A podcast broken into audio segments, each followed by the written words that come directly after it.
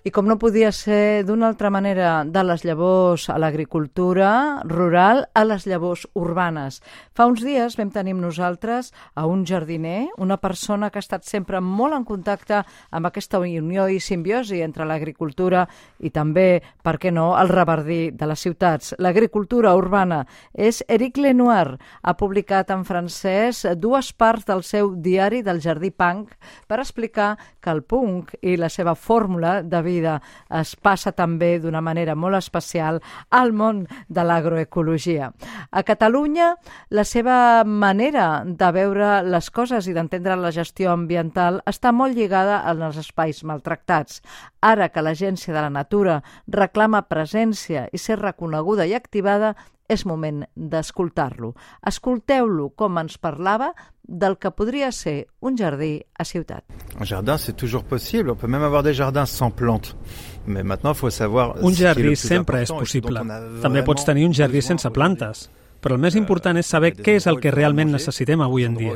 Serà necessari que hi hagi llocs per menjar, llocs on calgui l'ombra i llocs on calguin les dues coses.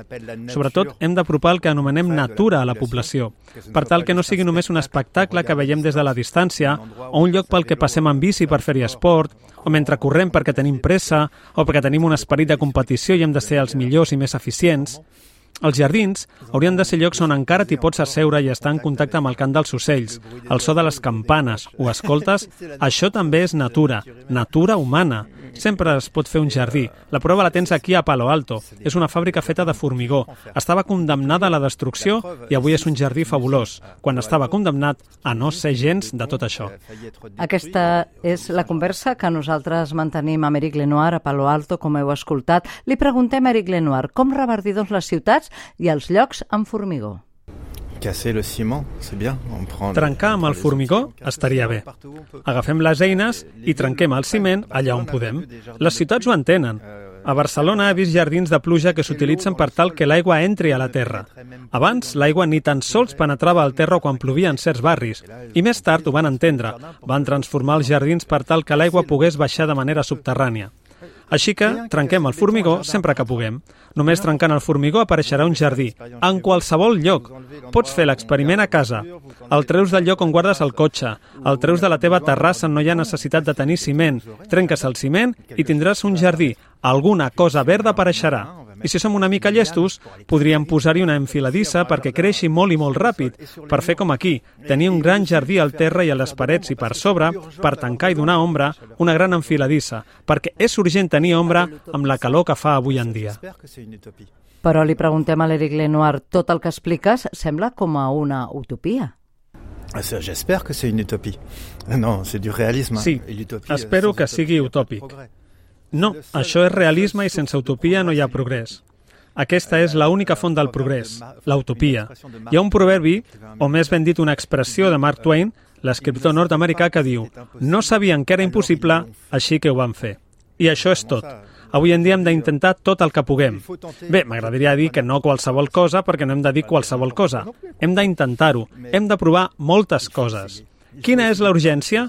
La urgència és tenir ombra a les ciutats, és tornar a posar vegetació a les ciutats, és posar els nens en contacte amb la pell d'un arbre, amb les fulles que cauen a la tardor, amb els fruits d'un arbre. És urgent.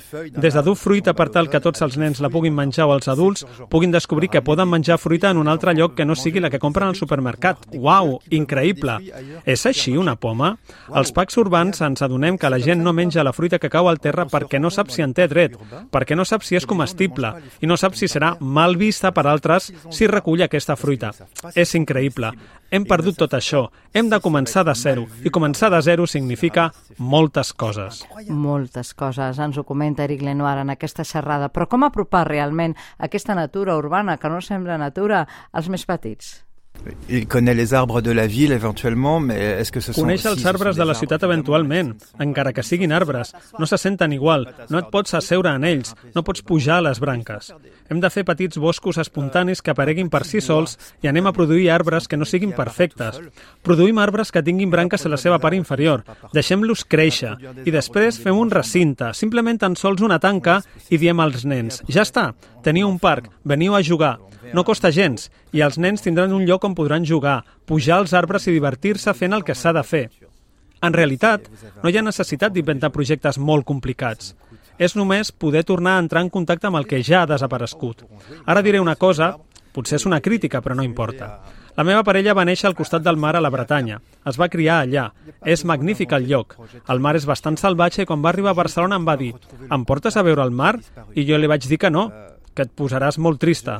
El mar ja no hi és. Aquí ho tens. És una mica el mateix amb la natura, la ciutat i els nens. Inclús el parc que està aquí al costat, hi ha un gran parc que va ser dissenyat per grans arquitectes, té algunes coses molt bones. Hi ha una gestió del parc que busca una biodiversitat del parc bastant ben pensada. Inclús una part que està tancada per tal que els ocells puguin fer els nius. Genial, és molt bo, molt bo. Però tot és formigó. Aquestes passarel·les, aquestes barreres, ens diuen que no tenim dret d'anar a la natura. Tenim dret a mirar-la, és bo, però és realment la resposta urgent en llocs com aquest?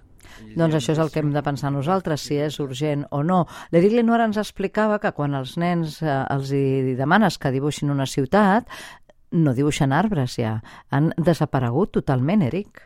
Oui, on, on sait que c'est déjà ça. On sait sí, que c'est déjà ça. sabem que ja és així, però malauradament aquesta és la realitat avui en dia. Demanar-li a un nen que et nombri cinc ocells diferents no pot fer-ho. Diran una àliga, un colom, una gavina i prou. I què hem de fer, doncs, com a ciutadania per revertir-ho? Lutter, lutter, Lluitar, lluitar, lluitar i lluitar. I després, en aquesta lluita, integrar moments de plaer. Portin a la gent, vinguin i vegin el que hi ha a la porta de casa seva, surtin de casa i vegin el que està passant aquí. Així que no se'ls obligarà a venir dient-los «Hola, vine», posant un cartell bonic, hi ha un jardí per visitar. A ningú li importa realment, perquè ningú sent ni entén la necessitat. N'hem parlat abans a la xerrada, no podem saber el que ens estem perdent si no sabem que existeix. És molt important i per això els podem dir vinguin al jardí, però què és un jardí? Coneixen els parcs de la ciutat, no ens importa, són bons per donar una volta en bici, però a part d'això, no.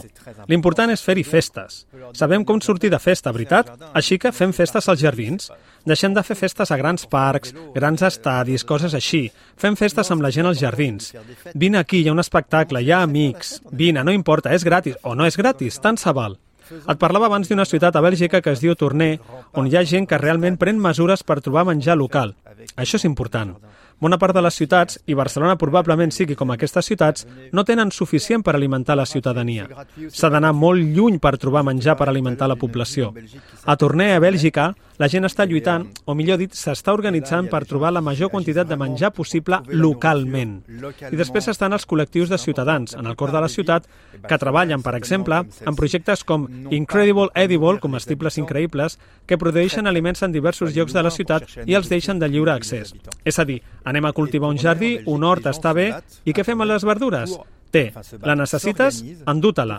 I molta gent no l'agafa, així que els organitzadors van entendre que s'han de posar les verdures en caixes, i quan les poses en caixes, la gent se les endú. I a força d'endur-se'n les verdures, pensen, espera, potser vagi al jardí. És molt temps, és tota una educació, però funciona, funciona. S'adonen que les persones que realment volen ajudar estan començant a entendre que s'ha de passar per això i donen cursos per cuinar, perquè la gent també està menjant cada cop més productes processats. Compren, no sé aquí, però a França compren lasanya congelada, compren llaunes de conserva de verdures, compren coses així, moltes coses ja fetes, pastanagues ratllades en bosses de plàstic. Això és una bogeria i costa molt més. Mentre que en aquests projectes locals se'ls ensenya a cuinar. A França hi ha en aquest sentit una institució important que es diu les restes del cor. Són llocs, crec, que també en teniu, on es reparteix menjar gratis als més pobres. Es van adonar que era molt, molt important donar classes de cuina que resolia part del problema. S'ha de fer així, jardins a totes bandes. Voleu treure la gent? Doncs doneu classes de cuina i organitzeu festes. Doneu classes de cuina i organitzeu festes. I li preguntem a l'Eric, és això, finalment, el jardí punk? Non, le jardin punk, c'est... Euh, No, el Jardí Punk tracta de trobar solucions. El Jardí Punk va néixer d'una reacció. El moviment punk és una reacció. No vaig poder suportar més quan vaig anar a veure els que prenen decisions, els propietaris, els municipis, dient-los que es podia fer un preciós jardí, que seria fàcil transformar la gespa podrida en quelcom bonic, nutritiu. I cada vegada em deien que no, que no tenien els diners, que no tenien el temps, que no tenien el personal per fer-ho, només respostes com aquestes. I he estat buscant solucions que no prenguin temps, que no prenguin diners i que no requereixin d'habilitats massa complicades. I d'això va el jardí punk. Hi ha desesperació, no hi ha més diners, no hi ha manera, no sabem com serà el futur. Avui això és realment precisament el que ens està passant amb l'escalfament global i l'erosió de la biodiversitat, i totes les crisis de les que no m'atreveixo a parlar i que tot el món coneix perquè és impossible no conèixer-les a menys que no vulguis saber-ho. L'única solució és fer, és fer, és actuar. No vull aquest sistema, aquest sistema m'enganya, aquest sistema amenaça la vida, aquest sistema és perillós, injust. Bé, doncs anem a fer una altra cosa, però no tens diners. No importa, ens quedarem sense diners. Què podem fer sense diners? Bé, intentem-ho. Si és bo i funciona, perfecte. Que no està funcionant? Doncs no importa, provem una altra cosa. D'això tracta el jardí punk. No ens queda res però podem intentar-ho. Ce système me fait peur. Ce système menace ma vie. C'est ça le jardin punk. On n'a plus rien, mais on a. Euh, on ne peut pas, mais on peut.